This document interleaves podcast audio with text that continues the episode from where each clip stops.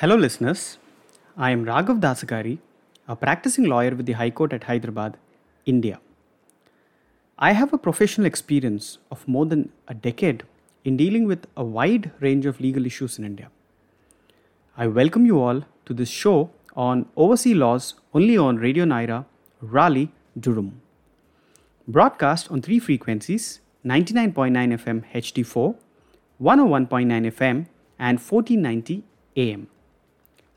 Today, I am speaking with you on the topic leasing rights with a special focus on the impact of COVID 19 on the leasing market in India. I have zeroed on this topic especially in light of the pandemic and the set of different challenges that this pandemic has thrown open for both owners of the properties and the tenants as well. So, leasing or renting out properties is done for various reasons. The most common reason, certainly, being to generate income through leasing by the owner. And in some cases, especially people living abroad, tend or prefer to lease out their properties in India in order to ensure that the properties are maintained by the tenants and also to ensure that the property does not fall prey to encroachers during the absence of the owners. So, whatever be the reason, your understanding of this concept of leasing will certainly place you in a very advantageous position at all relevant times to come. So, let's understand what is a lease. Before that, let me familiarize you with some commonly used legal terms such as the owner of the property is always referred to as a lessor, while the tenant is referred to as a lessee. Owner of the property is also generally called as a landlord. But personally, I don't prefer this term as this term appears to me like the relics of the colonial past. So, in this modern and progressive age that we live in, it is better we refer to them as owner or a lessor. So, what is a lease? Lease is basically a contractual relationship between a lessor and a lessee. This relationship is governed by the mutual promises given by the owner and the tenant, which is usually reduced into writing in the form of a lease deed or a rental agreement, or sometimes it could just be an oral understanding. So, what really happens in a lease? In a lease, the right to enjoy the property is transferred by the owner to the tenant, whereas the ownership always remains with the owner. So, in other words, during the existence of the lease, the tenant is entitled to enjoy the physical possession of the property, however, subject to the terms and conditions of the lease agreement. So, if a tenant commits any breach of the terms and conditions, the owner always has a right to take legal action, action against the tenant. So, you will see that commonly leases are given to various purposes for various purposes. One important purposes you could be leasing out your property for residential purpose or you could be leasing out your property for commercial purpose. So, whatever be the purpose, my talk show today shall give you a fair understanding on the leasing law in India. So, as I told you, lease is created when a contract is entered between the lessor and the lessee. As I already said, this can be made both by reducing the contract into writing through a lease deed, or a lease can also be on the basis of an oral understanding. But let me tell you, I will always prefer and stress that you should always prefer only a registered lease agreement over a oral agreement or just an agreement which is unregistered.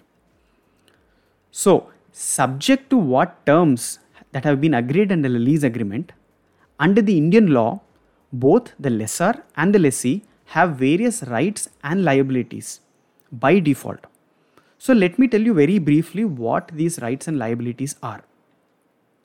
So, coming to the rights of a lessor, as I told you, subject to what the terms and conditions of your lease agreement are. So you have the freedom of altering or changing the kinds of liabilities and rights which either party may prefer to have.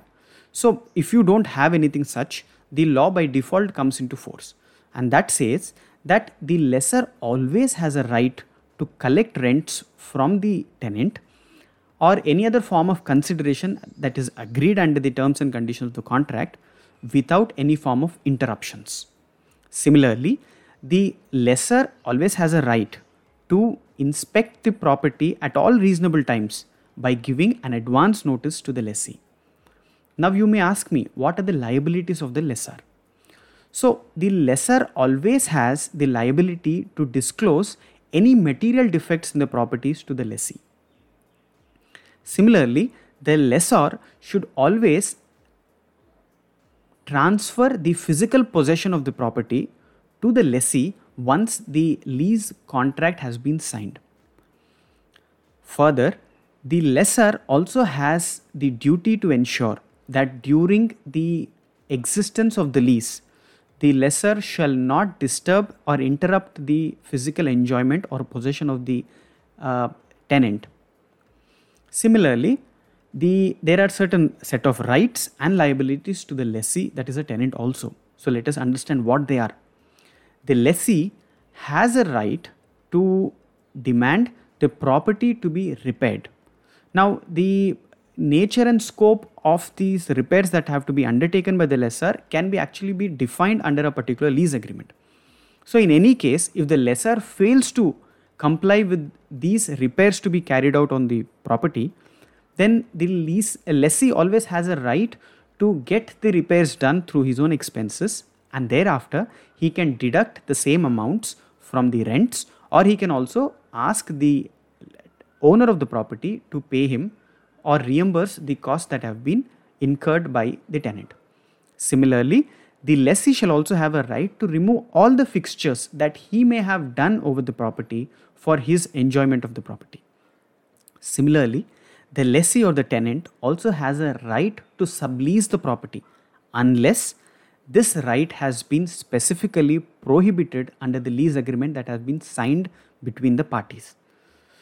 So now coming to what are the liabilities of a lessee.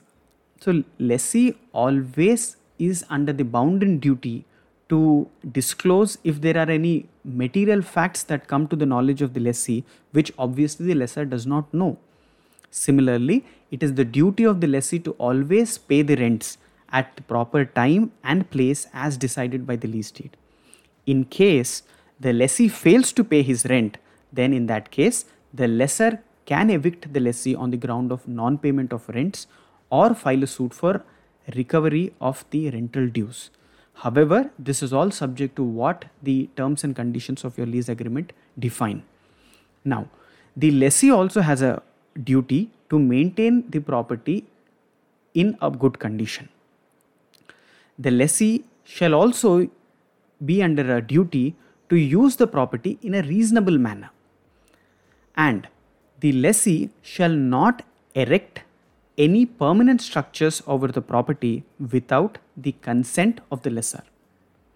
And finally, the lessee shall always restore back the possession to the owner of the property when the lease is terminated by the lessor or the lessee or if the lease comes to an end by efflux of time.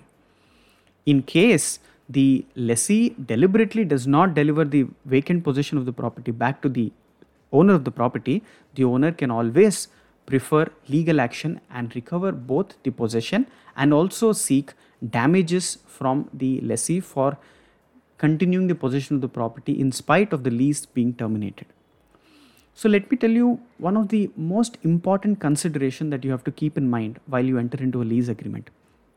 Please remember lease should always be reduced into writing in the form of a well drafted lease agreement and always get the lease agreement registered for avoiding all future legal complications.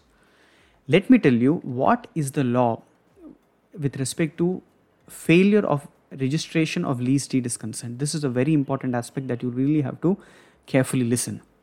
The law in India stipulates that a lease which is agreed for a term which is for one year or more than one year should always be only through a registered lease agreement. So, if you fail to register your lease agreement, then you will suffer certain serious consequences. And let me tell you what are these serious consequences are all about. The document or the unregistered lease agreement will not be admissible as evidence of the particular transaction in the court of law. So, in other words, it means that if at any point in time, if you as a owner would like to sue your tenant for his failure to pay rents, or if your tenant refuses to vacate the property as per the terms and conditions of the lease agreement, then in such case, when you approach the court of law, the court will not admit this particular unregistered lease agreement as evidence to prove your case. So, this is a very serious consequences. So, therefore, I insist and suggest that you always get your lease agreement registered. Now, let me also tell you what are the other risks involved when you don't get the lease registered. The other risk that you that uh, that may actually come is the chances for playing fraud or forgery increases. Now, give you, let me give you an example. If, for example, if you have signed a particular lease which is unregistered with your tenant, the tenant at a later point in time can always turn back and say that that particular signature does not belong to me.